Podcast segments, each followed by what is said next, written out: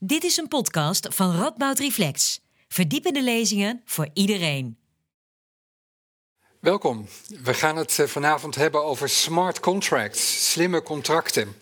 Slimme contracten, uh, die zijn contracten, juridische contracten, waarbij kunstmatige intelligentie een rol speelt. Voorbeelden zijn um, bijvoorbeeld in Amerika leasemaatschappijen. Um, als je je contract niet betaalt, uh, gaat je auto op slot. Kun je gewoon niet meer uh, je auto in. Ander voorbeeld, de Duitse bondsregering is bezig met smart contracts wat betreft uh, vliegvertragingen. Uh, je vlucht heeft meer dan drie uur vertraging, je krijgt automatisch uh, geld teruggestort op je rekening. Allemaal zonder tussenkomst van juridische autoriteiten. Is, en hier komen we meteen op de crux, is dat wenselijk? Um, zijn dat ontwikkelingen die per se de burger of de consument dienen? Of is dit vooral een tool waar bedrijven heel erg rijk van worden? Uh, huurbazen bijvoorbeeld zouden in de toekomst huurders automatisch hun huis uit kunnen laten zetten. Ook het uh, digitale slot kunnen uh, verbreken voor de, voor de huurders. Uh, zonder dat een huurder de mogelijkheid heeft om bij de rechter gelijk te halen. Wat zegt dit eigenlijk over onze rechtspraak? Waarom vinden we intuïtief misschien die tussenkomst van een rechter juist zo gewend, uh, gewenst? Um, uh, wat voor soort rechter willen we dan eigenlijk? En is in de toekomst misschien een ander soort rechter nodig door deze interventie van KI in het recht? Daar gaan we het vanavond over hebben. We hebben uh, twee sprekers. André Jansen. Uh, hij trapt af met een lezing van ongeveer een half uur, ongeveer precies een half uur, als het goed is. Um, hij is hoogleraar burgerlijk recht aan de Radboud Universiteit en heeft in 2019 hier een oratie gehouden.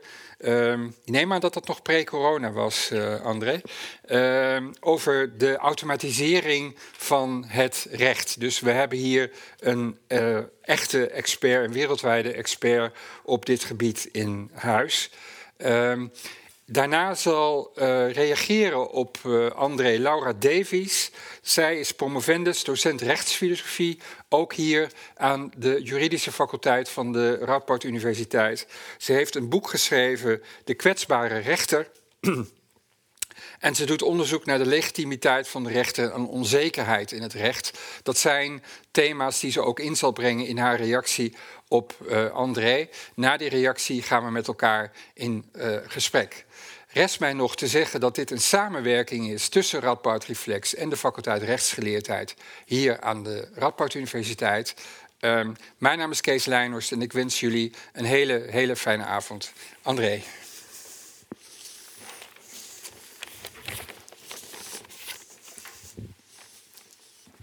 Ja, bedankt.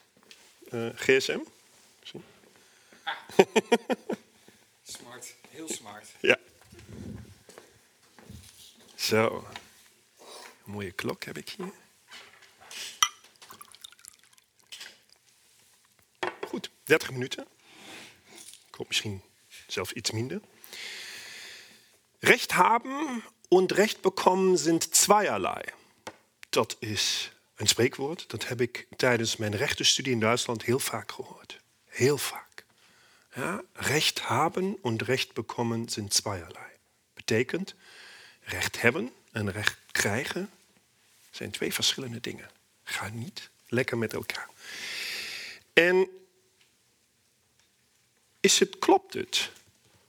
Spreekwoorden hebben soms wel iets dat klopt. Van, nou, dat is wel ouderwets, dat zou, moet wel kloppen. Maar kan het misschien anders? Kunnen we misschien ergens iets doen dat recht hebben en recht krijgen eens wordt? En daar gaat het om smart contracts. Smart contract is misschien, we zullen het zien, een instrument om dit samen te laten vallen. En wat zijn smart contracts überhaupt? Ik neem aan, je hebt hebt, jullie hebben er veel van gehoord, maar we zijn geen specialist. Dus op dit moment is het een buzzword ja, om woke in, uh, in de context van kunstmatige intelligentie en recht. En het begon eigenlijk met uh, iemand, Nick Zarbo. Dat is een techneut. En die zei 1993, en ik citeer hem. A smart contract is a computer code that is created to automatically execute contractual duties upon the occurrence of a trigger event. Yeah? Smart contract is a computer code that is created to automatically execute contractual duties. Betekent de belangrijkste kenmerken zijn: een smart contract is self-enforcing en self-executing. En um, ik moet um, zeggen dat smart contracts hebben geen kunstmatige intelligentie nodig.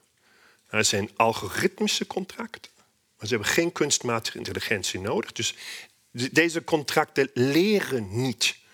Ja, um, maar het zijn in principe altijd nullen en enen. En nu is het, het is nog altijd vrij abstract, denk ik. Hè? En we hebben de oude, wordt altijd een voorbeeld genoemd, de oude um, drank, drankautomaat. Ja, ken, kennen jullie iedereen? Ja, dat is een drankautomaat en het kost 2 euro of zo. Dus ik uh, stop 2 euro in. En vanaf dit moment is de rest is geautomatiseerd. Ik kan het niet meer stoppen. Ja, ik, dus ik krijg mijn drankje, mijn, mijn, mijn fris. En dat was het. Ik kan het niet meer stoppen. Dat is ook geautomatiseerd, maar dat is mechanisch geautomatiseerd. En een smart contract is geautomatiseerd omdat het een computercode dit doet. Maar waarom juist smart contracts? Waarom is dit een, een buzzword en zo omvoog op dit moment, 1993 al? En dat heeft te maken met het opkomen van blockchain. Dat het pas nu echt zo populair is. Uh, en blockchain, en ik citeer, een blockchain is een systeem voor het opslaan van data in een keten van datablokken, waarbij blokken niet gewijzigd kunnen worden. Dus belangrijk, ze zijn immutable, zegt men. Blokken kunnen alleen aan het einde van de keten worden toegevoegd. De belangrijkste blockchain-based smart contracts is, eh, worden opgesteld op de platform Ethereum. En dat is een gedecentraliseerde uh, blockchain-platform waarop smart contracts um, draaien. En hoe werkt het? En we hebben afgesproken, ik zal niet te technisch worden. Maar heel kort, het contractsvoorstel gaat, wordt omgezet naar codetaal. Dus Solidity. En dan wordt, de, wordt het contractsvoorstel geüpload naar de platform, naar Ethereum. En een ander gebruiker aanvaardt dit contractsvoorstel. En hoe gaat hij dat doen? Met een personal key, je hebt een nummer, en betaling. En vanaf dit moment gaat de, voert, de, de, de eh, contract zichzelf uit. Dat was in een notendop, heel kort, de, de werkwijze van zo'n zo'n smart contract. Een blockchain-based smart contract. Altijd nog vrij abstract. Genoemd worden uh, bijvoorbeeld de slimme koelkast. Ja, je hebt een koelkast. De koelkast, je, hebt een, een, een, sluit een smart contract af met uh, Albert Heijn. En de smart de, de, deze slimme koelkast heeft een smart device en kijkt wat is in de koelkast. Ja, en we hebben afgesproken, zodra ik minder dan 1 liter melk heb, zegt de koelkast, ik heb nog melk nodig. En Albert Heijn ontvangt deze informatie en het wordt geautomatiseerd, ik krijg de melk. Ik vind het voorbeeld, het wordt altijd genoemd, daarom noem ik het hier. Ik vind het voorbeeld, voorbeeld niet, niet 100% passend, omdat er nog altijd, ik heb iemand nodig die de melk brengt. Ja? Daarom uh, een, andere, uh, een ander voorbeeld. En dat is een voorbeeld, uh, drive as long as you pay. dat speelt bij verzekeringen een, een rol, maar ook voor leasingmaatschappij voor alle in Amerika. Wat betekent het? Ja, ik heb uh, een leasingonderneming. Um, zet met mij uh, een smart contract op. Ik ben de consument. Ik wil graag het auto uh, leasen voor een bepaalde periode. En dus wij zetten een smart contract op. En ik krijg, het, ik krijg de auto. De auto heeft een smart lock. Ja? En deze smart lock is verbonden, nou, digitaal, iets eenvoudig gezegd, met de smart contract. En de smart contract zegt, zolang André betaalt, kan André de, smart, de auto gewoon openen. Smart lock opent. Zodra ik niet meer betaal, kan ik de auto niet meer openen. Ja? En zonder dat iemand anders ertussen komt. Ja, er is geen, geen, uh, de bedrijf moet niet uh, naar mijn auto zoeken en, en weet ik veel. Ja, het gebeurt meteen, zonder een derde persoon. Dat is, um, laten we zeggen, zo bijzonder aan smart contracts. Misschien is het nog steeds te abstract en daarom ja, wordt ook in de, in de inleiding werd er al naar gewezen. Um, ik ben twee, daarom twee voorbeelden. Ik ben twee weken geleden ben ik, eh, wilde ik naar Lecce. Ja, naar Italië. En ik, had, uh, ik kwam in Amsterdam aan. Was, en ik had uiteindelijk een vertraging van meer dan 10 uur. Nu is het zo dat de EU-vluchtcompensatieverordening zegt... als een vertraging van meer dan drie uur is, krijgt de consument 250 euro. Nou, is vastgelegd. 250 euro voor meer dan drie uur vertraging. Dan kun je zeggen, nou ja, um, wat moet ik nu doen? Nou, uh, ik ben met Swiss gevlogen. Nou, maar Swiss betaalt niet zomaar. Ja, ik moet een formulier invullen. En dan, gaan ze beginnen, dan, dan beginnen ze vaak met, ah, nee. Uh, wij betalen niet omdat uh, wij konden niets aan doen. Maakt niet uit. Maar ik heb het, denk ik, ik heb het al dertig keer of zo gedaan. Ze betalen nooit. Ja, en uiteindelijk is het zo dat 95% van alle compensaties worden niet betaald. Ja? En stel um, dat deze luchtvaartmaatschappij wil consumentenvriendelijker worden en we gaan een smart contract opzetten dan zou het anders zijn. Die smart contract ja, herkent, oké, okay, er is een vertraging van meer dan drie uur en stort meteen zonder iemand anders de 250 euro naar mijn rekening. Dat is voor mij fijn. Meteen, zonder een derde persoon. Ik moet niet eh, de luchtvaartmaatschappij aanspreken. Het gebeurt op het moment dat de vertraging meer dan drie uur. Dat was het eerste voorbeeld. Dus voorbeeld geautomatiseerde betaling van schadevergoeding of compensatie. Nou ben ik, ben ik eh, erg onder de indruk. En ik van, ja, dat is een prima idee. En ik heb een huis. Dat, en ik heb een huurder. En dan denk ik, dat kan ik, dat, dat kan ik ook doen. Ja? En ik kom met de, uh, met de huurder overeen. We gaan een smart contract opzetten. En ik, uh, de smart contract zegt Zodra de, verhuurder, eh, zodra de huurder niet meer betaalt, gaat de woning of gaat eh, de deur niet meer open, omdat er is een smart lock. Ja? En de huurder uh, gaat akkoord en betaalt niet. Wat gebeurt? Smart uh, de smart contract erkent, is geen betaling gebeurd. En informeert de smart lock en zegt van nou niet meer openen. Hij heeft niet betaald. En, en dit gebeurt automatisch. Ik, ik, moet er niet meer naartoe. Ik moet niet naar de rechter. Helemaal niks. Het gebeurt automatisch. Dat is het tweede voorbeeld. Dus geautomatiseerde lockout. En maar wat zijn de juridische verschillen? Er zijn wel meerdere juridische verschillen maar wat is het belangrijkste verschil?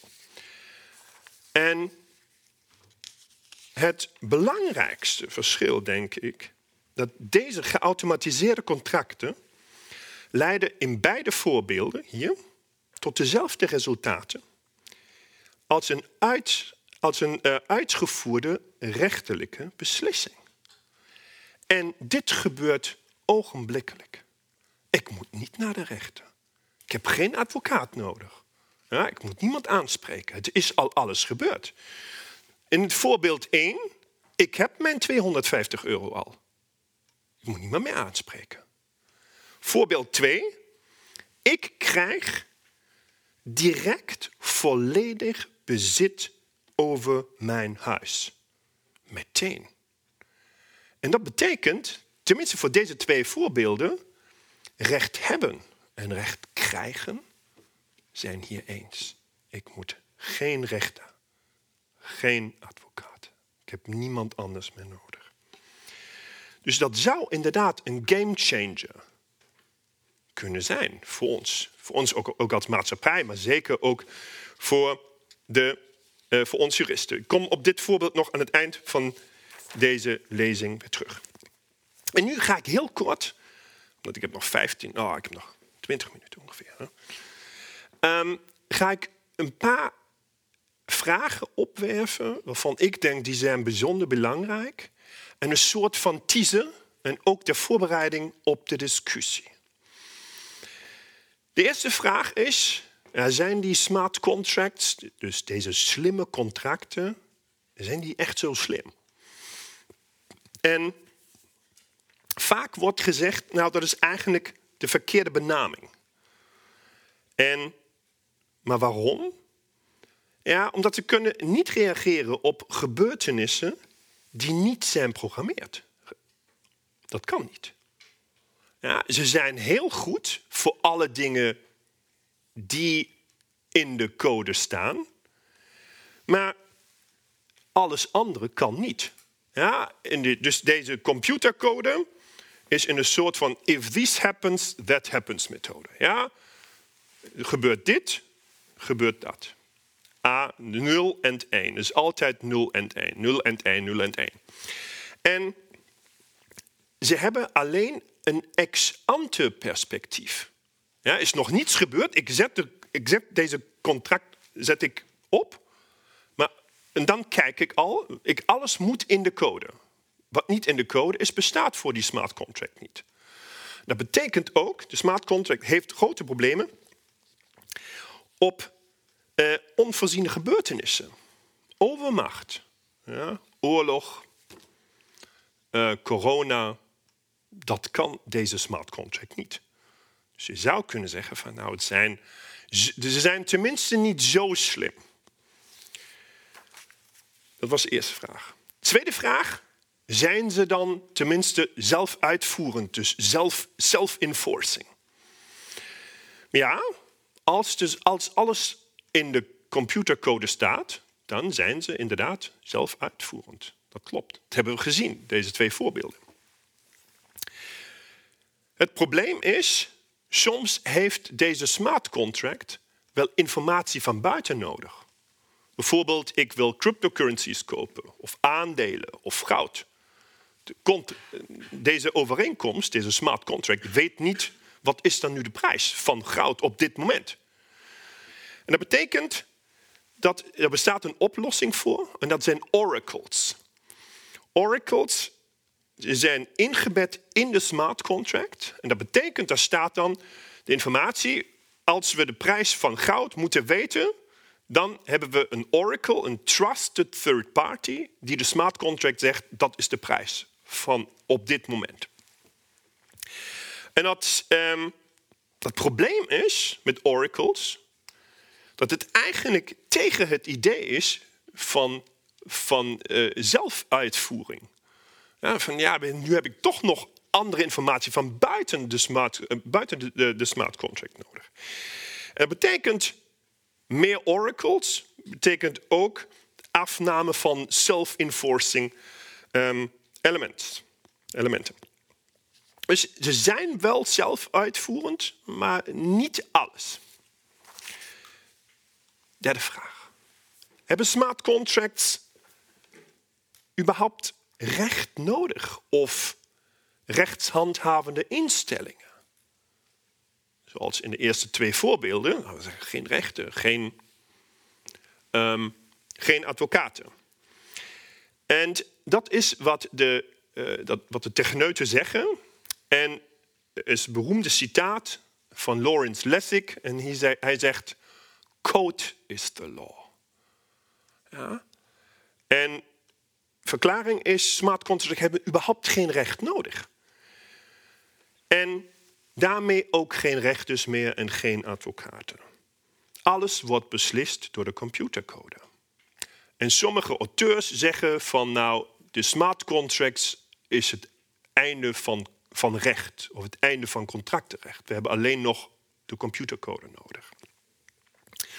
Klopt dit? Nee, ik denk van niet. Waarom niet? Ten eerste, smart contracts zijn niet volledig.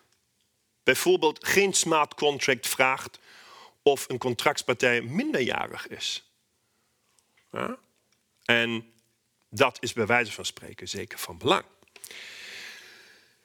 Dan ten tweede, de computercodes kunnen ongeldig zijn of in strijd met de wet of oneerlijk zijn. Als ik, als ik iemand betaal om iemand anders te vermoorden, uh, dan denken wij, dan zijn we het met elkaar eens dat uh, deze, deze overeenkomst is zeker niet rechtsgeldig. Of corruptie of zo. Ja? Corruptie gaat trouwens heel goed met smart contracts. Ja? Um, maar wij voelen dat kan niet. Ja, ook hier moet recht zeggen van nou, is, dit, is deze smart contract geldig of niet? En ten derde is dat ik ben van mening dat niet recht niet volledig codeerbaar is. Als we het hebben over goede trouw, bijvoorbeeld. Hoe is dat? Kunnen we dit, dit coderen? Kunnen we dit in nullen en enen zetten? Ik ben van mening dat kan niet. Amerikaanse collega's kijken daar soms anders tegenaan en zeggen van dat is alleen een kwestie van tijd, dan kunnen we dit ook. Ja, voor mij gevoel kan het niet. En dus eh, mijn conclusie hier is smart contracts hebben op dit moment nog recht nodig. En ook, rechts, eh, ook uh, instanties die het recht handhaven. Dan wordt gezegd, smart contracts creëren een trustless trust. Betekent, smart contracts hebben geen vertrouwen nodig. Het wordt alleen betaald als ik de prestatie krijg. Dan krijg ik, ja, dus ik heb geen vertrouwen nodig. Ik heb geen vertrouwen nodig in, de, uh, in banken. Ik heb geen vertrouwen nodig in mijn, in mijn tegenpartij. Ja, omdat het geautomatiseerd is. Dat klopt. Voor bepaalde dingen klopt het. Smart contracts hebben inderdaad vaak geen tussenpersonen nodig. En daarmee ook geen vertrouwen in een tussenpersoon. Maar zo eenvoudig is het ook weer niet. Dus bijvoorbeeld, wij hebben als de contractspartij van een smart contract hebben tenminste vertrouwen nodig in die oracles. En die trusted third parties, dat deze oracle zegt, dat de echte prijs zegt van, het goud, van, van, van goud of cryptocurrencies. Ja? Dan, ten tweede, is ook de veiligheid van, uh, van de uh, blockchain platforms. Hebben we ook. Ja, ik moet zeker weten dat, het, dat Ethereum het goed doet. Anders doe ik het niet. En daarom, mijn conclusie hier is, vertrouwen blijft belangrijk. Ook voor smart contracts. En dan nu mijn laatste brandende vraag. Dus een kleine teaser van, voor, de, voor de discussie. Leiden smart contracts tot een overhandhaving? van een over-enforcement. Smart contracts kunnen het begin van een nieuwe tijdperk zijn. En eigenlijk een juridische um, utopie wordt juridische realiteit. En dat betekent de volledige handhaving van recht. 100% 100 Ja? Is dat niet fantastisch? Recht wordt altijd 100% gehandhaafd met smart contracts. En wat lijkt op, op een fantastische uh, utopie, is, werd door sommige auteurs wordt gezegd dat is vreselijk. Ja. Waarom? Basedo, toen uh, directeur van het Max Planck Instituut, zegt um, dat recht is alleen een fleet in being. Dat betekent, recht is alleen, heeft een symbolische waarde. Het is niet ervoor gemaakt om 100% gehandhaafd te worden. Dus hij is een tegenstander van een 100% handhaving van, van, van recht. En ook Hofman zegt, de moeilijkheden bij de handhaving van rechten zijn noodzakelijk. Dat kunnen we niet zomaar weghalen met smart contracts. En dat het privaatrechtelijke systeem überhaupt niet ingericht is op volledige handhaving van recht.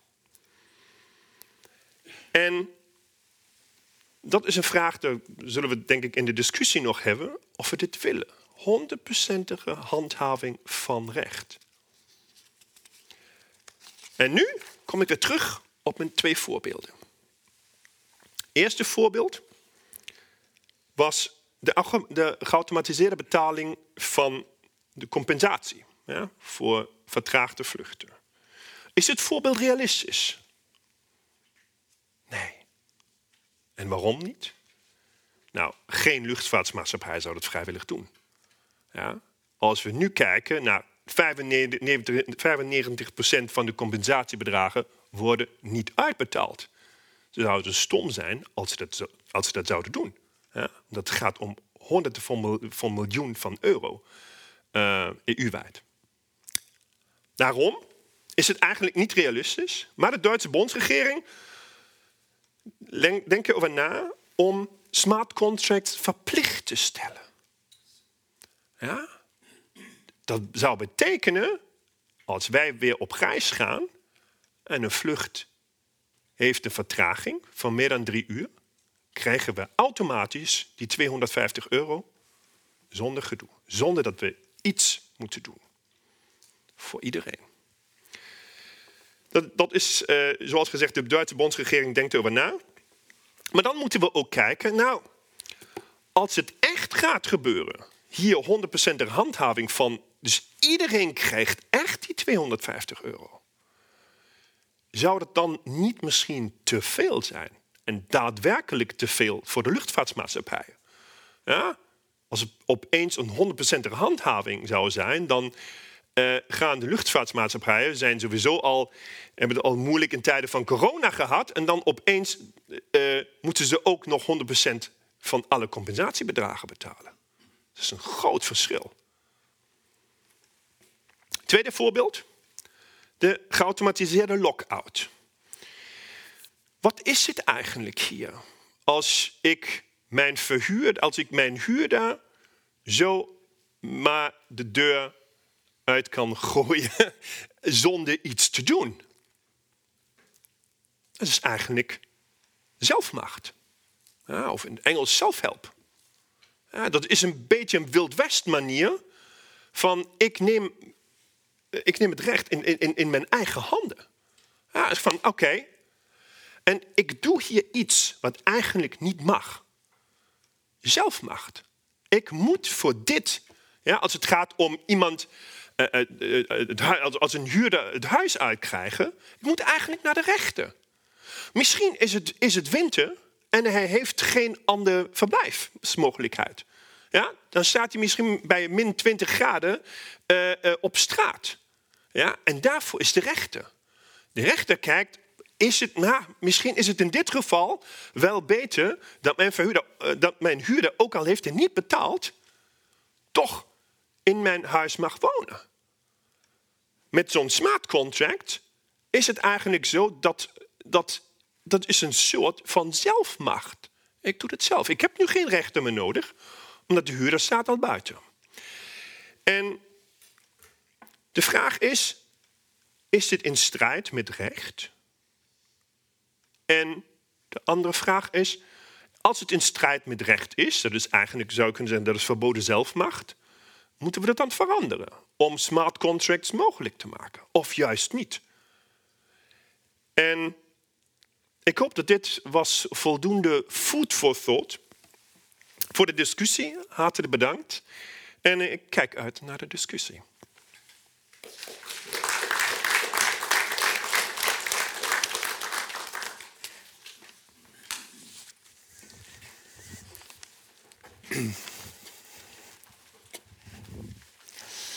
Je bent zelfs binnen de 30 minuten gebleven. Ja.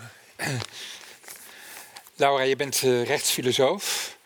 Um, smart contracts lijken iets heel technisch, maar um, de vragen die opgeworpen werden zijn, gaan eigenlijk al veel verder dan alleen maar is dit mogelijk en uh, wat kan er eigenlijk, maar gingen ook over de wenselijkheid ervan. Uh, zou jij iets vanuit jouw achtergrond hierop kunnen reageren? Ja, tuurlijk. nou, allereerst uh, vind ik het heel leuk om hier te zijn. om een tweeërlei reden eigenlijk. Allereerst, um, ja, ik werd hiervoor gevraagd en het is best wel uit mijn uh, academische comfortzone. Uh, smart contracts, blockchain. Dus ik heb me de afgelopen maanden eigenlijk noodgedwongen een beetje moeten verdiepen hierin.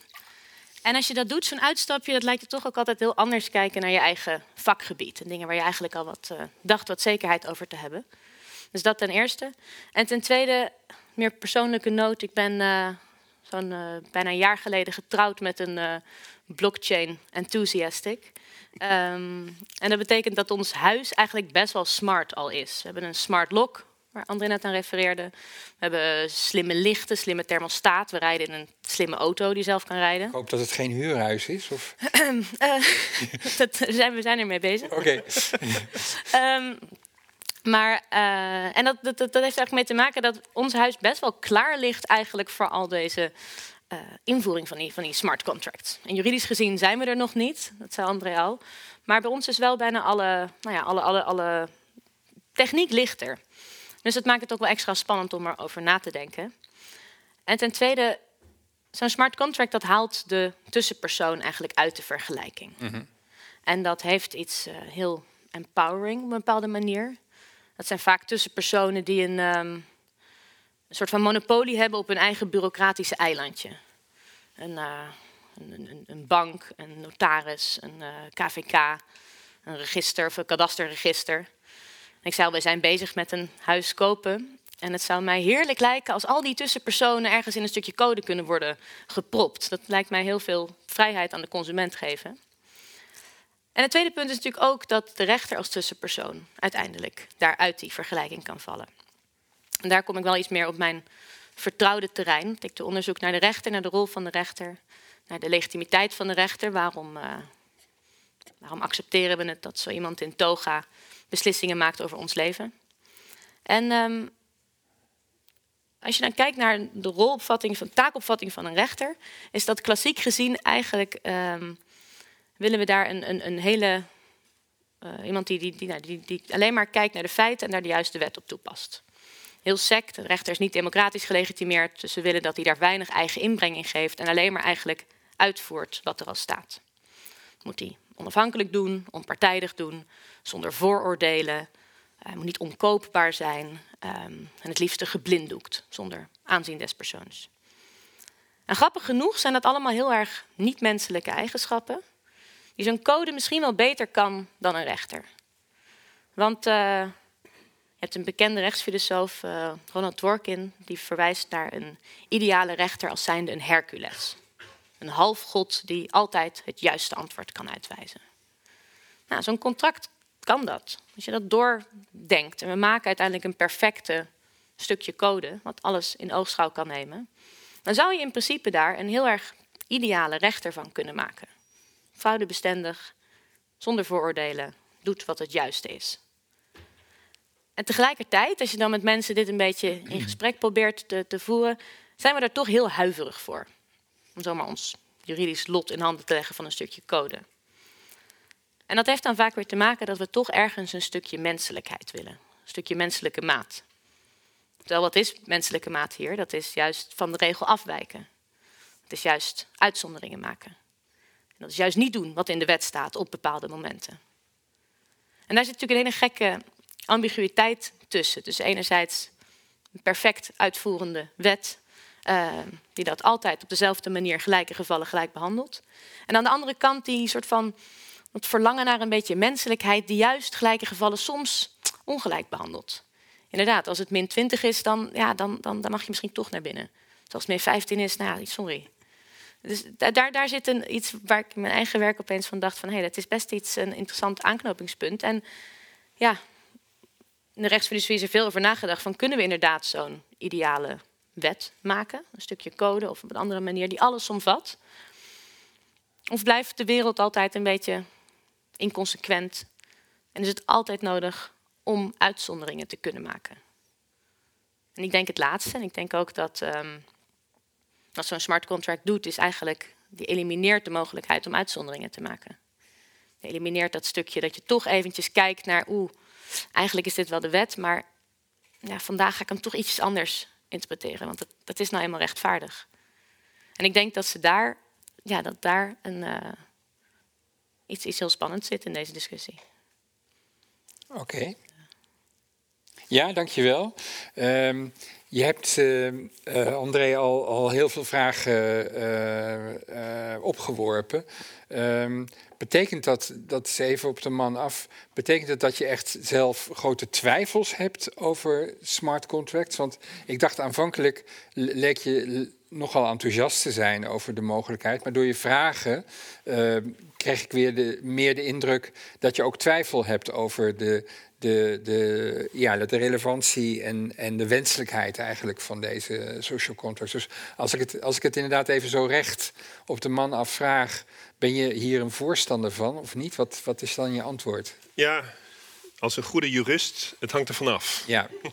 ja, het hangt er vanaf. Er zijn bepaalde dingen waarvan ik denk smart contracts biedt inderdaad een meerwaarde. En ik ben vooraf gezegd, ik ben, ja, als jurist is men, twijfelt men altijd. Dat, dat, dat is gewoon zo. Ja, als wij met techneuten spreken, er zijn er echt van die firm believers. Zij denken, het gaat, is, wij gaan überhaupt geen traditionele contracten meer, meer sluiten. Het gaat alles smart worden. Dat denk ik niet.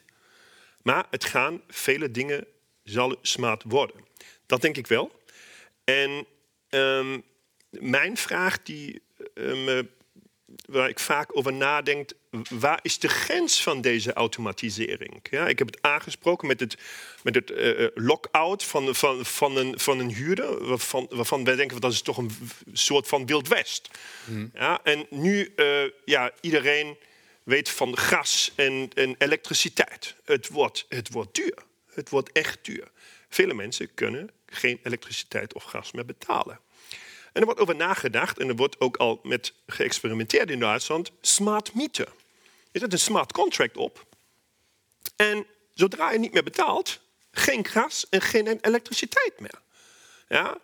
En daar krijg ik dan, uh, daar krijg ik dan buikpijn, omdat, zoals wat jij zei, van nou, we krijgen een situatie waarvan eigenlijk, eh, die, eigenlijk moet daar, denk ik, moet daar een mens over kijken. Van nou, kan dit echt in dit geval? Ja, kunnen we bij min 20, kunnen we de huurder zomaar de, de deur uitgooien? Of mag het in dit geval niet?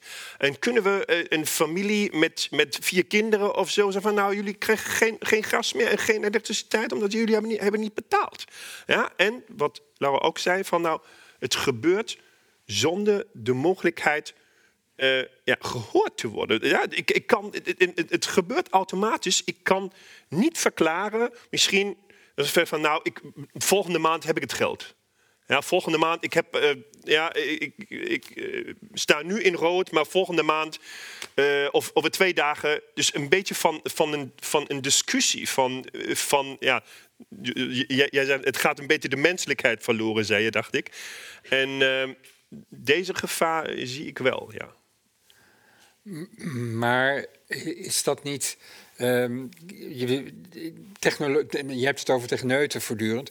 Is het niet zo dat, dat dit soort dingen ehm, in de toekomst, is altijd de belofte, in de toekomst kunnen die codes uh, veel, zelf veel smarter worden, zeg maar. Ik kan me voorstellen dat er een wereld is waarin er een code komt die zegt, um, je hebt het inderdaad over al, uh, if this then that, hè, dat dat, dat, een, dat, dat de, de, formule is waarmee het werkt, waar gewoon in de code staat ingebouwd. Ja, ingebouwd van, nou, als het inderdaad min 15 is, worden mensen niet uit hun huis uh, gezet. Met andere woorden, al dit soort omstandigheden waarvan jullie zeggen, um, dat daar heb je eigenlijk een mens voor nodig, zijn die niet ook te automatiseren? Is dit niet een kwestie van gewoon techniek? Dat is een, een fundamentele vraag. Dat is een heel fundamentele vraag of dit kan.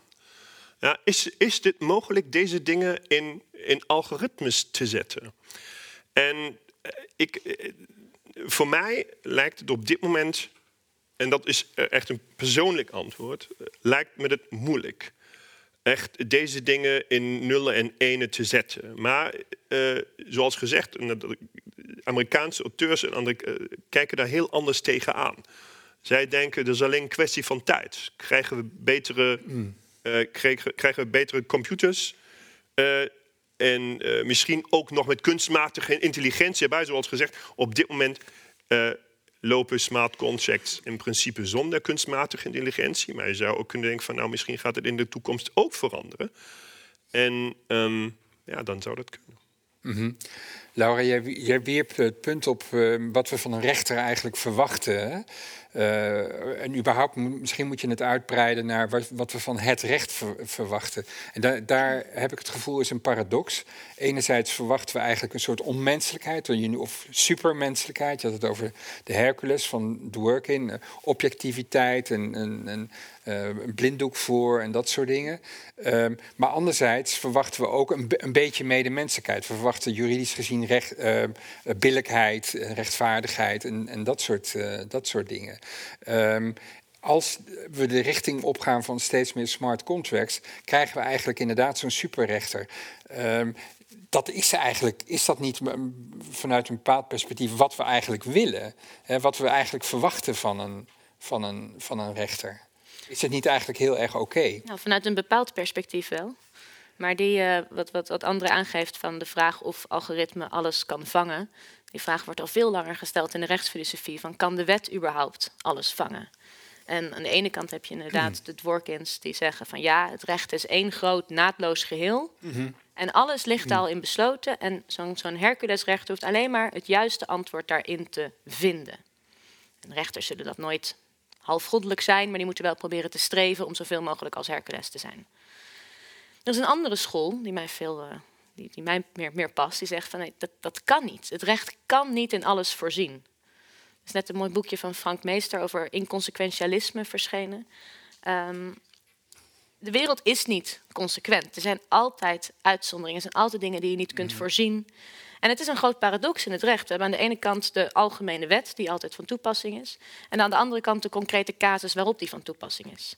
En dat valt eigenlijk nooit samen. Er zit een, Scholte noemt het een sprong, uh, Derrida noemt het een, een coupe de force. Er zit mhm. altijd een, een, een, iets te overbruggen daarbinnenin. Mm -hmm. En dat overbruggen, ik denk niet dat je dat ooit kunt allemaal kunt uitdenken. En zeker niet in ene en nullen, maar niet eens met het alfabet, denk ik. Er blijft een, een vorm van wat er op dat moment aan de hand is, open. Ja, maar is dat net niet. Uh, je noemde dat, dat, uh, dat, uh, dat geweldige Duitse spreekwoord over recht hebben, recht bekommen. Hè, dus recht gelijk hebben, gelijk krijgen, zeg je in het Nederlands. Um, daar is de belofte nou precies van, van, van deze technologie, dat, dat dat inderdaad samen gaat, gaat vallen. Dus dat hele, deze hele messiness en onzekerheid waar je het over hebt, die, die hebben we dan niet meer. Dat is toch fantastisch? Ja, ik vind dit een, een probleem wat veel groter is dan dit, dit, dit smart contract dingen. Want het is, uh, ik geloof ook niet dat er één juist antwoord is in dat naadloze geheel. Mm -hmm. uh, op het moment dat je daar wel van uitgaat dat er één juist antwoord is, dan zeg je eigenlijk dat al die andere antwoorden dus fout zijn. En als je een vechtscheiding hebt, en het gaat over waar moeten de kinderen heen. Uiteindelijk wint er iemand. Maar dat betekent niet dat er dan geen pijnlijke rafelrandjes meer zijn aan zo'n zaak. Dus om te zeggen dat is rechtvaardigheid, want deze partij wint, Nee, daar zitten heel veel open wonden bij, die dus niet zijn gedekt door het recht. En zolang je ervan uitgaat dat er één juist antwoord is, dan kan een rechter of een, of een heel rechtssysteem kan zich een beetje verschuilen achter van ja, maar dit is wat de wet zegt, dus dit is juist. Dus dit is, hè, ik, ik- mij treft geen blaam. Terwijl er wel degelijk situaties zijn waarin er heel veel verliezende partijen zijn die ook heel groot gemis hebben. En André noemde net iets van buikpijn. En dat is ook zo'n typisch superbelangrijk menselijk iets. Want dat is wat, wat, wat, wat code niet kan hebben. Net vorige week had, ehm, zijn er, is er weer een brandbrief gestuurd van de, van de, van de Raad voor de Rechtspraak naar de, naar de Tweede Kamer. Waarin wordt gezegd van, van, van er komen, net zoals de toeslagenaffaire, komen er nog veel meer buikpijndossiers aan. In de jeugdzorg, in migratierecht. En buikpijndossiers, dat betekent eigenlijk, het zijn situaties waarin rechters slapeloze nachten van krijgen. Waarin ze buikpijn hebben. En die buikpijn is een soort van signaal, een moreel kompas of een geweten, of hoe je het ook wil noemen. Waarin wordt gezegd van, hé, hey, dit klopt niet. En misschien is het de wet, dus misschien heb je gelijk. En misschien moet je al die toeslagen, eh, moet je al die, al die, die financiën terugbetalen, want hè, juridisch gezien heb je gelijk. Maar ethisch gezien krijg ik er buikpijn van. En code krijgt geen buikpijn. Dan is het één grote black box, waarin niemand wat lang kan doorgaan. En waarin eigenlijk niemand iets voelt van, hé, hey, dit, dit, hier lig ik wakker van. Mhm. Jij noemde zelf net die, die buikpijn. Kun, je, zou je hierop kunnen reageren? Ja, dat, is- ja dat, dat heb ik eigenlijk al, al genoemd. Dus dat, de buikpijn, dat, dat iets... Ja, voor bepaalde, voor meerdere dingen eigenlijk. Eind, ik denk, je noemde het ook altijd... De menselijke maat gaat verloren.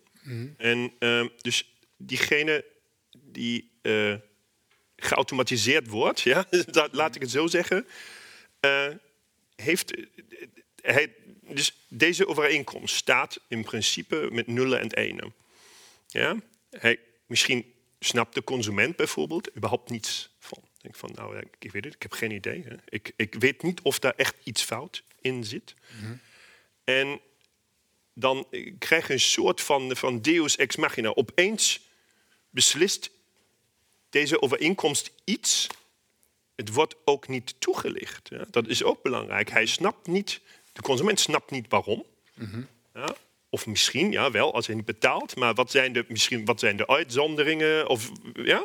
Dus hij, en, en hij kan in principe, omdat deze smart contracts die zijn of, of staan of blockchain, die zijn dan immutable, ja? kunnen niet worden veranderd. Betekent, hij, hij, hij heeft eigenlijk niemand waar hij naartoe kan gaan. Dan denkt van, dat klopt niet. Of, of gewoon, ja, en het is ook voor de, als we zeggen, consument dan hij heeft geen kans om, om, zijn, om, de positie te, om zijn positie te, te verduidelijken. Van, nou, ja, dat denk ik als het gaat om buikpijn. En, en s- ja? Ja, ehm, ik wilde hier nog op, op reageren, want we hebben het over recht hebben en recht krijgen. Maar je hebt ook nog zoiets, een andere functie van het recht is recht ervaren. En Het betekent dat het, ehm, het schijnt, dat is best veel empirisch onderzoek naar gedaan, dat als mensen voor de rechter het gevoel hebben dat ze een zegje hebben kunnen doen, dat er naar ze geluisterd is, dat hun belangen zijn meegenomen, dan kan dat heel veel vertrouwen sterken in, in de rechtspraak. En dan kunnen ook, al ben je dan uiteindelijk de verliezende partij, kunnen mensen toch vaak veel meer vertrouwen en, en, en, en een, nou ja, een afgerond gevoel ervan hebben. Als ze in ieder geval het gevoel hebben dat er eerlijk naar ze is geluisterd. Dat is een onderdeel van de procedurele rechtvaardigheid. Die eigenlijk niet, niet zo zit in du- dualiteit, dus alleen maar recht hebben en recht krijgen. En er is ook nog zoiets als recht ervaren. En dat kan al heel veel, ehm, in ieder geval heel veel onvrede oplossen. En als je dat er helemaal uithaalt, dan mis je dus ook een belangrijke indicator van hoe, hoe mensen in contact komen met het recht, hoe ze vertrouwen kunnen hebben in het recht. Die functie valt dan ook helemaal weg. Ja, maar ehm, ik, ik, heb, ik, ik heb nu het gevoel dat ik de smart contracts moet gaan verdedigen, maar ehm, tegen jullie allebei. Maar ehm, Nee. er, is, er is zoiets fantastisch aan die, eh, aan die, aan die, aan die dingen. Dat, dat het inderdaad in 100% van de gevallen gewoon klopt, zeg maar. Hè. Dus die belofte eh, juist maakt geen uitzonderingen, geen onderscheid des persoons. Er gebeurt gewoon wat er moet gebeuren, wat vastgelegd is in het contract. Dat, dat, dat kan toch ook juist een, een gevoel geven van vertrouwen en ehm, eh, eh, er wordt ook geen rechterlijke beslissing genomen die, waar, waar je het niet mee eens bent. Het, je, je, weet gewoon dat het klopt. Het gaat in honderd gevallen op. Dat is toch juist een belofte van deze, van deze dingen? Ja, voor mij hangt het, hangt het, zoals gezegd, van de situatie af. Als ik nu nadenk over, deze, eh, over de compensatie van, van vluchtvertragingen, als we daar een mhm. smart contract uh, op ja, zouden zetten, dan zou ik zeggen, dat is perfect voor mij. Ja. Maar dat hangt daarmee, dat, dat, uh, de reden daarvoor is ook, dat het, dat, het is eigenlijk gestandaardiseerd. Ja. Ja? Drie uur, 250 euro. Dat is eenvoudig te coderen. En daarom, ik zou zeggen, bijvoorbeeld als je nu zou vragen van nou, uh, denk je dat we hier verplichte, uh, dat, dat het een goed idee is van de bondsregering, uh, hier verplicht gestelde smart contract op te zetten. Ja, dat lijkt tenminste voor deze compensatie, mm lijkt me dit een goed idee. Mm ja? En voor andere dingen dan misschien iets minder. Maar, maar dus het, het, hangt van de situatie af. ja. Een, een ander, als we het dan toch weer over nadelen hebben, uh, kan ik me voorstellen dat een nadeel, je noemde dat ook al kort, een, een, mogelijk nadeel is dat er een soort overjuridisering komt. dus als we alles met, met smart contracts uh, gaan, gaan doen, uh, waar in het verleden het gewoon over in, in, in, in intermenselijk verkeer ging, um, is dat niet ook een, een, een nadeel van, van smart contracts? Ja, ik, ik, ik kan wel antwoorden. Ja. Ja, ja, nadeel. Ik denk dat is een van de fundamentele vragen die wij ons, uh, die, die wij ons stellen. Van, van, willen we dit echt? Mm Willen we dit echt? Een 100% handhaving van recht. Mm -hmm. Ja, dus, zoals gezegd, dit, omdat het heel eenvoudig is met die 250 euro, willen we dit echt? Dat iedereen van ons 250 euro ontvangt als een vertraging is van meer dan 250 euro. Uh, van, de, vertraging van, van, van meer, dan, van meer dan, dan drie uur. Op eerste eh, zou ik zeggen, nou, ik vind het wel prima. Ja? En ik, um, maar maatschappelijk moeten, dan, moeten we dan kijken, als ik er helemaal niets meer voor moet doen. Ja, dan zou ik ook zeggen, dan is ook mijn schade misschien niet zo erg. Ja? Ik zit er wel drie uur, maar ik moet helemaal niets meer doen. Ik heb, zou kunnen zeggen, mijn, mijn immateriële schade is wel vrij beperkt. Mm En wat doet dat dan met de luchtvaartmaatschappijen? Het zou, dus, zoals van tevoren al gezegd, de uh, empirische studies zeggen tot nu toe 95% van deze compensatiebedragen worden niet uitbetaald. Het is eigenlijk meer uh, law, in the, law in the books. Mm -hmm. ja? En dat kunnen we veranderen hiermee. Mhm. De vraag is of we dat dan echt willen. Of we dan zeggen van nou, als we dit dan 100% kunnen doen, dan moeten we wel, het substantiële recht veranderen. En dan nou, misschien is dan, als het zo eenvoudig is, misschien ook 50 euro voldoende. Ja, ja Laura? Ja, aan de ene kant is het natuurlijk, je kunt hierdoor uh, de toegang tot de rechter heel erg opengooien. Die drempel die nu best hoog is, kun je helemaal minimaliseren dat zou prachtig kunnen zijn. Um, het is altijd makkelijk als het over een beetje technologische dystopieën gaat om er lekker cynisch over te wezen. Want wat je ook kan voorstellen, dat zorgt alleen maar voor nog meer. Um, dat, dat, iedereen continu maar uh, rechtszaken kan aangaan vanaf zijn eigen zolderkamertje. Zoals nu reaguurders een beetje mensen voor, uh, voor, voor, voor, tribunalen dagen verbaal. Mm -hmm. overal rechtszaken aangaan. En overal een beetje misbruik maken van al die uh, mogelijkheden die er zijn. Maar dat zijn op zich praktische bezwaren. Je zou daar toch iets van een drempel kunnen inbouwen. En um, wat André ook al eerder heeft gezegd, het is natuurlijk, het, het recht loopt natuurlijk waanzinnig achter wat betreft digitalisering. En dat blijft het denk ik ook doen, want het is niet een, uh, een systeem wat, wat, wat heel erg vooruit loopt als het gaat om automatisering en digitalisering. Um, dus het, het zal vast ook op veel plekken gebeuren. En het heeft hele mooie dingen. Ik vond een mooi voorbeeld over Uber. Als je nu um, als, als Uber-chauffeur uh, krijg je een aantal sterren en je krijgt, krijgt nou, waardering als je goed mhm. rijdt. Mm -hmm. En als je op een gegeven moment een score van 4,8 op 5 hebt, super hoog. Maar je wil eigenlijk bij een andere dienst gaan, bij Lyft of Bolt, die veel beter voor jou zorgt. Dan zit je eigenlijk vast bij Uber, want nou, je kan je punten niet meenemen. Ja. Terwijl je niet meer dat platform centraal stelt, maar de chauffeur zelf. En die punten horen bij hem en niet bij het platform. dan kan het weer heel erg empowering werken. En dat is natuurlijk iets heel moois. En ik denk dat we daar ook. ehm, ik ben ook eigenlijk sinds ik meer, hier meer over ben gaan lezen, misschien alleen maar enthousiaster geworden over smart contracts. Maar zodra je het natuurlijk breder trekt, zijn er ook heel veel haken en ogen aan. Maar die zitten ook aan het recht wat we nu hebben, denk ik. Eh, w- wat is precies je enthousiasme? Waar, waar word je zo enthousiast van?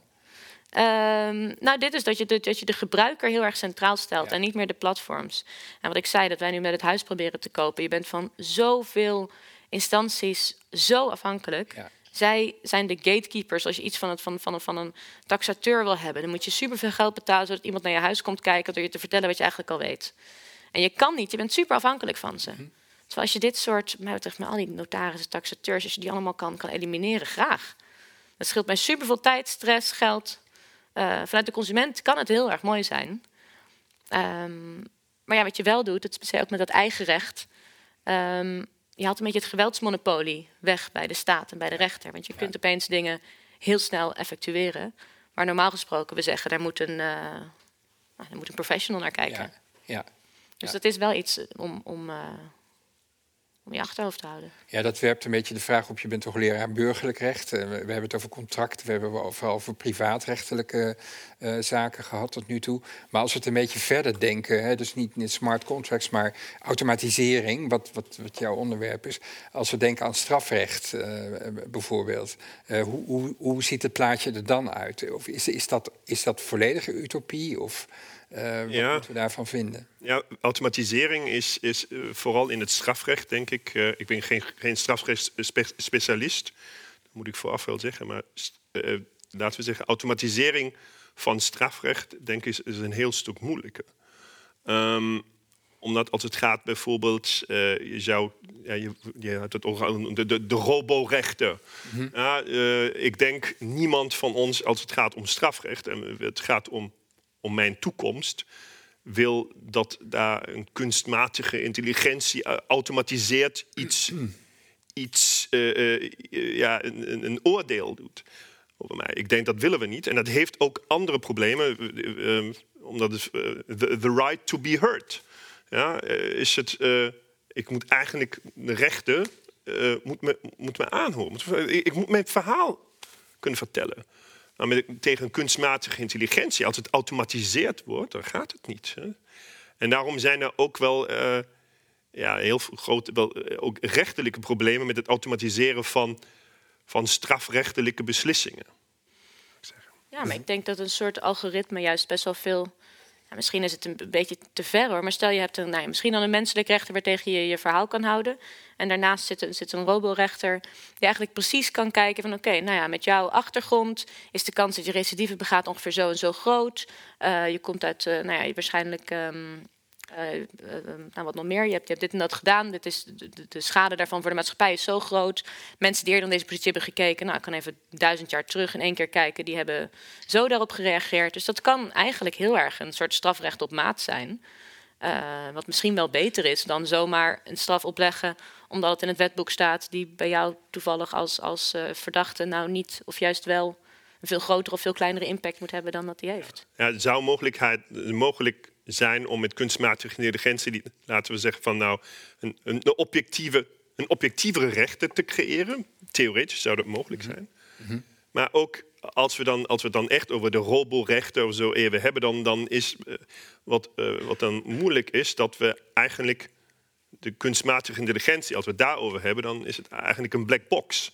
Wij, heb, wij zien wel de beslissing, maar wij weten niet waarom. Ja, dus, eh, dus een kunstmatige intelligentie is in principe unexplainable. ja, en ik weet niet of dit eh, voldoende is voor ons. Nou, dit is het resultaat. Ja, ik, ik, ik heb geen idee waarom, maar dit, dit, dit is zo. Ja, Je wilt dat de rechter haar, haar vonnis toelicht. En, eh, Ja, en, en, en, en ook, ik wil laten als het. Misschien is deze kunstmatige intelligentie gevoerd met racistische data. Ja, of racistische uitspraken. Dan wordt deze kunstmatige intelligentie ook racistisch. En ik heb, als ik dit niet weet, dan sta ik daar. Dan weet ik, ik heb geen idee. De kunstmatige intelligentie heeft deze beslissing genomen en ik weet het niet. Maar nou ja, ik heb geen idee. En ik kan ook niets doen. Je zou dan kunnen zeggen van had het ook vooraf uh, kunnen ook aan, aan een assistant systeem denken. Ja, dus we hebben dan nog steeds de, de, de menselijke rechten. En daarnaast hebben we een, een, een, een assistant, een, assistent die de rechten helpt. Dat uh, wat er wordt nu geëxperimenteerd in Duitsland, wordt er, wordt ermee geëxperimenteerd, maar ook op het gebied van, van, van, van privaatrecht. Maar de vraag is, ja, als die assistent dan nu zegt resultaat A of resultaat B, dat empirische studies laten zien dat de rechter eigenlijk altijd met het assistentsysteem gaat. Mhm. En eh, niet meer niet kritisch is. Van, oh ja, dan doe ik het zo. Ik heb heel veel stress en ik heb altijd kan altijd zeggen dat het assistentsysteem, of de assistent kunstmatige intelligentie, heeft dit gezegd, dan is dat wel voor mij wel voldoende. Mm Iets anders is, uh, wat ik, je hebt het net over het voeren van, uh, we moeten dat systeem voeren met data. Betekent dat ook niet dat je de dynamiek uit het recht haalt? Dus je voert hem altijd met data uit het verleden. Je had het over systemen die leren eigenlijk niet. terwijl het, het, recht is ook heeft ook een dynamisch aspect. Het recht verandert, ons rechtsgevoel verandert en wordt anders gecodifieerd in nieuwe, in nieuwe wetten, een nieuw, een nieuw recht. Uh, is dat ook niet een, een, een, een groot punt? Ja, als, het gaat, als het dan gaat om, de, om deze roborechten, dan is het een probleem. Omdat is eigenlijk wij, de, de, de kunstmatige intelligentie wordt dan gevoerd met oude arresten. Ja, dat betekent, het zal geen het, het, kan geen, het kan eigenlijk dan, het recht wordt niet verder ontwikkeld. Het blijft staan. Ja? Uh, en dat is dan een probleem, omdat we, dan maatschappelijk blijven we dan altijd op stand van 2022. Mm Ja, nee, dat is een mooi punt. We hadden het bij de voorbespreking ook even over inderdaad. Het is, het is weer een beetje wat ik net zei dat die dualiteit tussen een algemene wet aan de ene kant en een concrete toepassing op een geval. En je hebt in het recht, ik weet niet of je ook rechten studenten zitten, maar in de bachelor krijgen we bijvoorbeeld het elektriciteitsarrest. Mhm. En dat gaat er dan over, uh, het ging over diefstal. Nou, diefstal is het wegnemen van een goed van iemand anders. En nu stond iemand terecht die had elektriciteit afgetapt. Nou, is dat het wegnemen van een goed? Nee, elektriciteit is geen goed. Nou, dan kun je zeggen, nou, dan moet die code of die wet worden aangepast op iets. Maar wat een rechter doet, dus die, die kijkt van, nou ja, oké, die wet is best oud, het is geen goed meer, maar het is, het, is geen, het is geen goed zoals we dat kennen. Maar ja, in de, kennis van nu, in de maatschappij van nu, moeten we misschien, om allerlei redenen, uh, elektriciteit ook als goed zien. Mhm. En dat soort dingen zijn natuurlijk, daar zit iets van creativiteit in, wat denk ik een, een, een, een, een, uh, een code ontbreekt. Maar om terug te komen wat je net zei, die racistische algoritme. Je kunt natuurlijk ook een racistische rechter voor je hebben. Absoluut. Ja. En dat is denk ik nog veel meer een black box. Um, want als je de code kunt lezen, dan zou je ook terug kunnen redeneren van oké, waar op basis van wat beslist deze code dit precies? En we hadden het bij het voorgesprek er ook al even over dat uh, uh, computers tegenwoordig poëzie en klassieke muziek en kunst kunnen mm. maken, waarom zouden ze geen vonnissen kunnen schrijven aan de hand van die code die voor ons onleesbaar is? Ja. Dan zou het misschien een veel begrijpelijkere taal, misschien kunnen ze er mooie animaties van maken. Dus er zijn ook best mogelijkheden. Terwijl een racistische rechter, die zou dat nooit opschrijven. En toch word je er wel door beïnvloed. Het is ja, dus, veel minder transparant. dus, dus, dus, daar zou die codering juist wel helpen weer om het, het, recht te spreken wat we eigenlijk verwachten van, van ons juridisch systeem, toch? Ja, als men, als men de, de, de biases uit. Uh, ja, ja als, we, als we de menselijke biases kunnen vermijden, dan, dan zou dat zo zijn, ja, inderdaad. Maar je zegt als, dus. Ja, als het, als het technisch mogelijk is. Ja. Dat, dat, uh, ja, omdat het, het, probleem wat ik zie als het gaat, als de kunstmatige intelligentie echt alleen beslist, als, als we het over kunstmatige intelligentie hebben, is mhm. dat het, het, het is uh, zelfs voor de mensen die de kunstmatige intelligentie programmeren, is het, is het moeilijk te voorspellen. Wat zijn de resultaten mm van zo'n kunstmatige intelligentie? Mhm. En ook te verklaren waarom dit resultaat. Ja. Maar misschien komen we ook nog op een punt waar we explainable AI krijgen. Ja. dat is wel de doelstelling van de Europese Commissie op dit moment, explainable AI. Maar niemand weet eigenlijk, nou, uh, hoe gaat het dan echt? Mhm. Nee, dus voorlopig blijft het een black box. Maar het punt wat eigenlijk opgeworpen was, is, is, is zo'n rechter ook niet een black box? Uh, um, en dan kunnen we maar beter een black box hebben die in ieder geval consequent is, toch? Ja, het, het hangt er vanaf. consequent weet je, maar die je enigszins kunt, kunt inlezen. Ja. Ja. Als je het kunt lezen. Ja. ik denk op veel, veel punten kan een smart contract of überhaupt digitalisering van het recht, kan het echt wel mooie nieuwe dingen openen. En ook uh, rechters een beetje ontlasten van de werkdruk, et cetera. En in dingen waar het denk ik altijd blijft knellen, is aan de ene kant die creativiteit. Wat jij zegt van het ontwikkelt niet verder. Ja. Iemand moet op een gegeven moment um, bedenken van nou ja, vanaf dit moment, misschien is het is, uh, bijvoorbeeld zo'n urgendazaak. Misschien is het huidige klimaatbeleid, kunnen we, kunnen we uh, artikel 2 en 8 van het EVRM wel degelijk zo lezen dat um, het recht op, op gezinsleven en privacy wordt, wordt uh, benadeeld door het huidige klimaatbeleid. Dat is best wel een creatieve sprong die ik een code niet zo snel zie maken. Dus dat is denk ik iets waar het altijd, altijd blijft wringen. En het andere is dus die mogelijkheid om uitzonderingen te maken. Om van de code af te wijken. Om van de wet een beetje af te wijken. Omdat je er nou eenmaal buikpijn van krijgt. Of omdat het tot onrechtvaardige resultaten zal leiden. Ja. ja. Ik zou het heel eng worden als we dat ook kunnen codificeren. Dan krijg je echt hele creatieve, emotionele uh, codes. En dan zitten we zo in een uh, Steven Spielberg film, volgens mij. ja, maar ondenkbaar is het niet, toch? Um, nee, weet ik niet. Is trouwens een, ik weet niet of we vragen al mogen. Maar nee, vragen mogen nog oh, niet. okay. Bijna. Bijna. Uh, als, we, als we uitgesproken zijn. Want uh, uh, ik had nog uh, ik had nog wel één vraag aan jou, uh, Laura. Je had het over die. Het triggerde me wel. Um, die, die, systemen die zijn die 100% van de 100%. Maar we leven in een, in een wereld die eigenlijk onvoorspelbaar is. Hè? Dus de voorspelbaarheid van het recht tegenover de onvoorspelbaarheid van, van, het, van het leven, zeg maar. Um, maar gezien het feit dat het leven zo onvoorspelbaar is, verwachten we, hebben we niet de verwachting van de rechter wederom, eh, dat is misschien weer een Dworkiniaans punt, dat die rechter juist wel voorspelbaar is, die ons juist helpt om een beetje orde in ons leven te scheppen. Dus daar, dat, dat vroeg ik mij af. Ja, het, het is iets waar mensen heel veel behoefte aan hebben, aan stabiliteit. En het is ook soms bijna een beetje lachwekkend hoe we proberen dat in onze wereld te krijgen. Met, we hebben dan bijvoorbeeld de schrikkeljaren, maar ook weer schrikkeldagen en zelfs schrikkelseconden. Want elke minuut draait de aarde volgens mij weer iets sneller. Dus dat, dat, en we proberen dat maar zo op te vakken dat het in onze dagen past. Mm. En dus het is iets veel groters dan het recht, denk ik. Uh, en inderdaad, we willen van de rechter rechtszekerheid, waarheidsvinding. We willen iets heel erg uh, nou ja, wat ons helpt om stabiliteit te geven. Um, maar ik denk wel dat als je dat blijft verlangen van de rechter, dat je de rechter eigenlijk iets onmogelijks vraagt. Je blijft hem zien als een halfgod. En dat is het niet. Dat is iets wat onfeilbaar is. Um, en ik denk dat het juist ook wel heel veel zekerheid kan geven. Als je gewoon ziet van ja, die rechter die, die, uh, die doet wat hij kan. En dat, daar moeten we het mee doen. Mm -hmm. Maar misschien is het niet het enige juiste antwoord op zo'n zaak. Mm -hmm. Maar het blijft een paradox, hè? Het, het is blijft... een paradox, zeker. Ja. En het is veel groter dan smart contracts of het recht, denk ik. Ja. Dat is überhaupt gewoon die menselijke hunkering naar orde in een wereld die niet geordend is. Ja. Ja.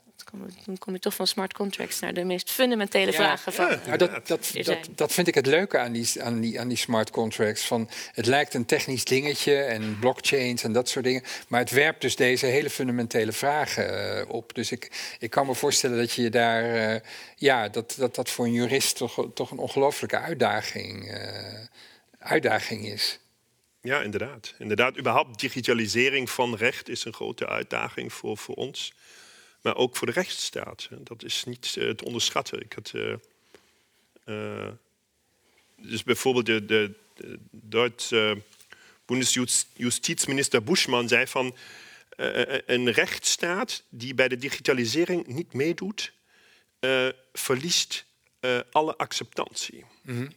En dat en dat klopt ook. En we moeten ons afvragen, bijvoorbeeld één ding, daar had ik het ook laatste week in een andere lezing over, dat de uitspraken van gaat, het aantal van uitspraken gaat sinds 2010 steeds naar beneden.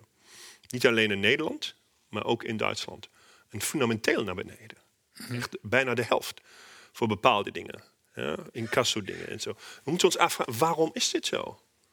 Waarom, eh, waar gaan deze uitspraken naartoe? Worden de conflicten anders opgelost? Ja, zijn de mensen zo ontevreden met de digitalisering van, van de rechterlijke macht? Van, dat de mensen dan zeggen van nou, misschien is zo'n zo'n smart contract toch een goed idee. Ja, misschien is het niet 100% perfect, maar ik krijg, het, ik, eh, ja, ik, heb, eh, ik krijg wel snel mijn recht. En, eh, of, of, en dat, is, dat is ook, als het gaat om de heel grote vragen, is het, is het natuurlijk ook een vraag waarom Waarom is dit zo? Waarom gaan blijkbaar steeds minder mensen eh, naar de rechter? Door de, door de ontbrekende digitalisering gaan ze ergens anders naartoe? Of zijn we opeens, eh, eh, vinden we, zijn, we, zijn we zelf zo goed conflict oplossen dat wij de conflicten zomaar oplossen zonder de rechter en we gaan nergens anders naartoe? Mediation en dat soort... eh, Mediation, ja, ja, maar ja, dus, eh, vol- volgens mij is het wel een privatisering en een digitalisering van conflictoplossing. De conflicten gaan ergens anders naartoe, waar de mensen denken van nou, de digitalisering is hier een stuk, stuk hoger. Ik moet niet, daar, niet naar de rechter, ik kan dit online even doen. Ja, en daar zijn in principe op dit moment zijn er al heel veel private acteuren die zeggen van nou, dat ga ik doen. Ja? En dat gaat, heel, dat, gaat snel, het is goedkoper en het kan alles digitaal. ja. Kun je een voorbeeld hiervan... eh, Ja, bijvoorbeeld eh, eBay heeft, heeft zo'n systeem.